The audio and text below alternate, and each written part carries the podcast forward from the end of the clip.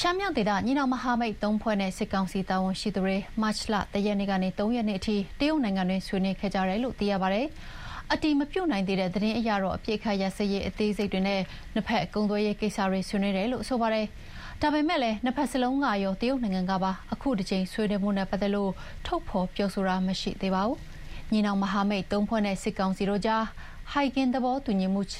သဘောတူညီချက်နဲ့ အခုနှစ်ဆန်ဇန်နဝါရီလ17ရက်နေ့ကစလို့ အပြည့်ခတ်ရစေးရရယူခဲ့ကြတာပါ အဲ့ဒီနောက် MNDAA ကိုကန့်ဒေတာမှာ အပြည့်ရသွားတယ်လို့ဆိုပေမဲ့လို့ TNL တအောင်အဖွဲ့နဲ့ ရှမ်းမြောက်ဒေတာတွေမှာ တိုက်ပွဲတချို့ရှိခဲ့ပြီး AA ရခိုင်တပ်တော်နဲ့ဆိုရင် ရခိုင်ပြည်နယ်တွင်တိုက်ပွဲတွေအခုချိန်ထိရှိနေတာပါ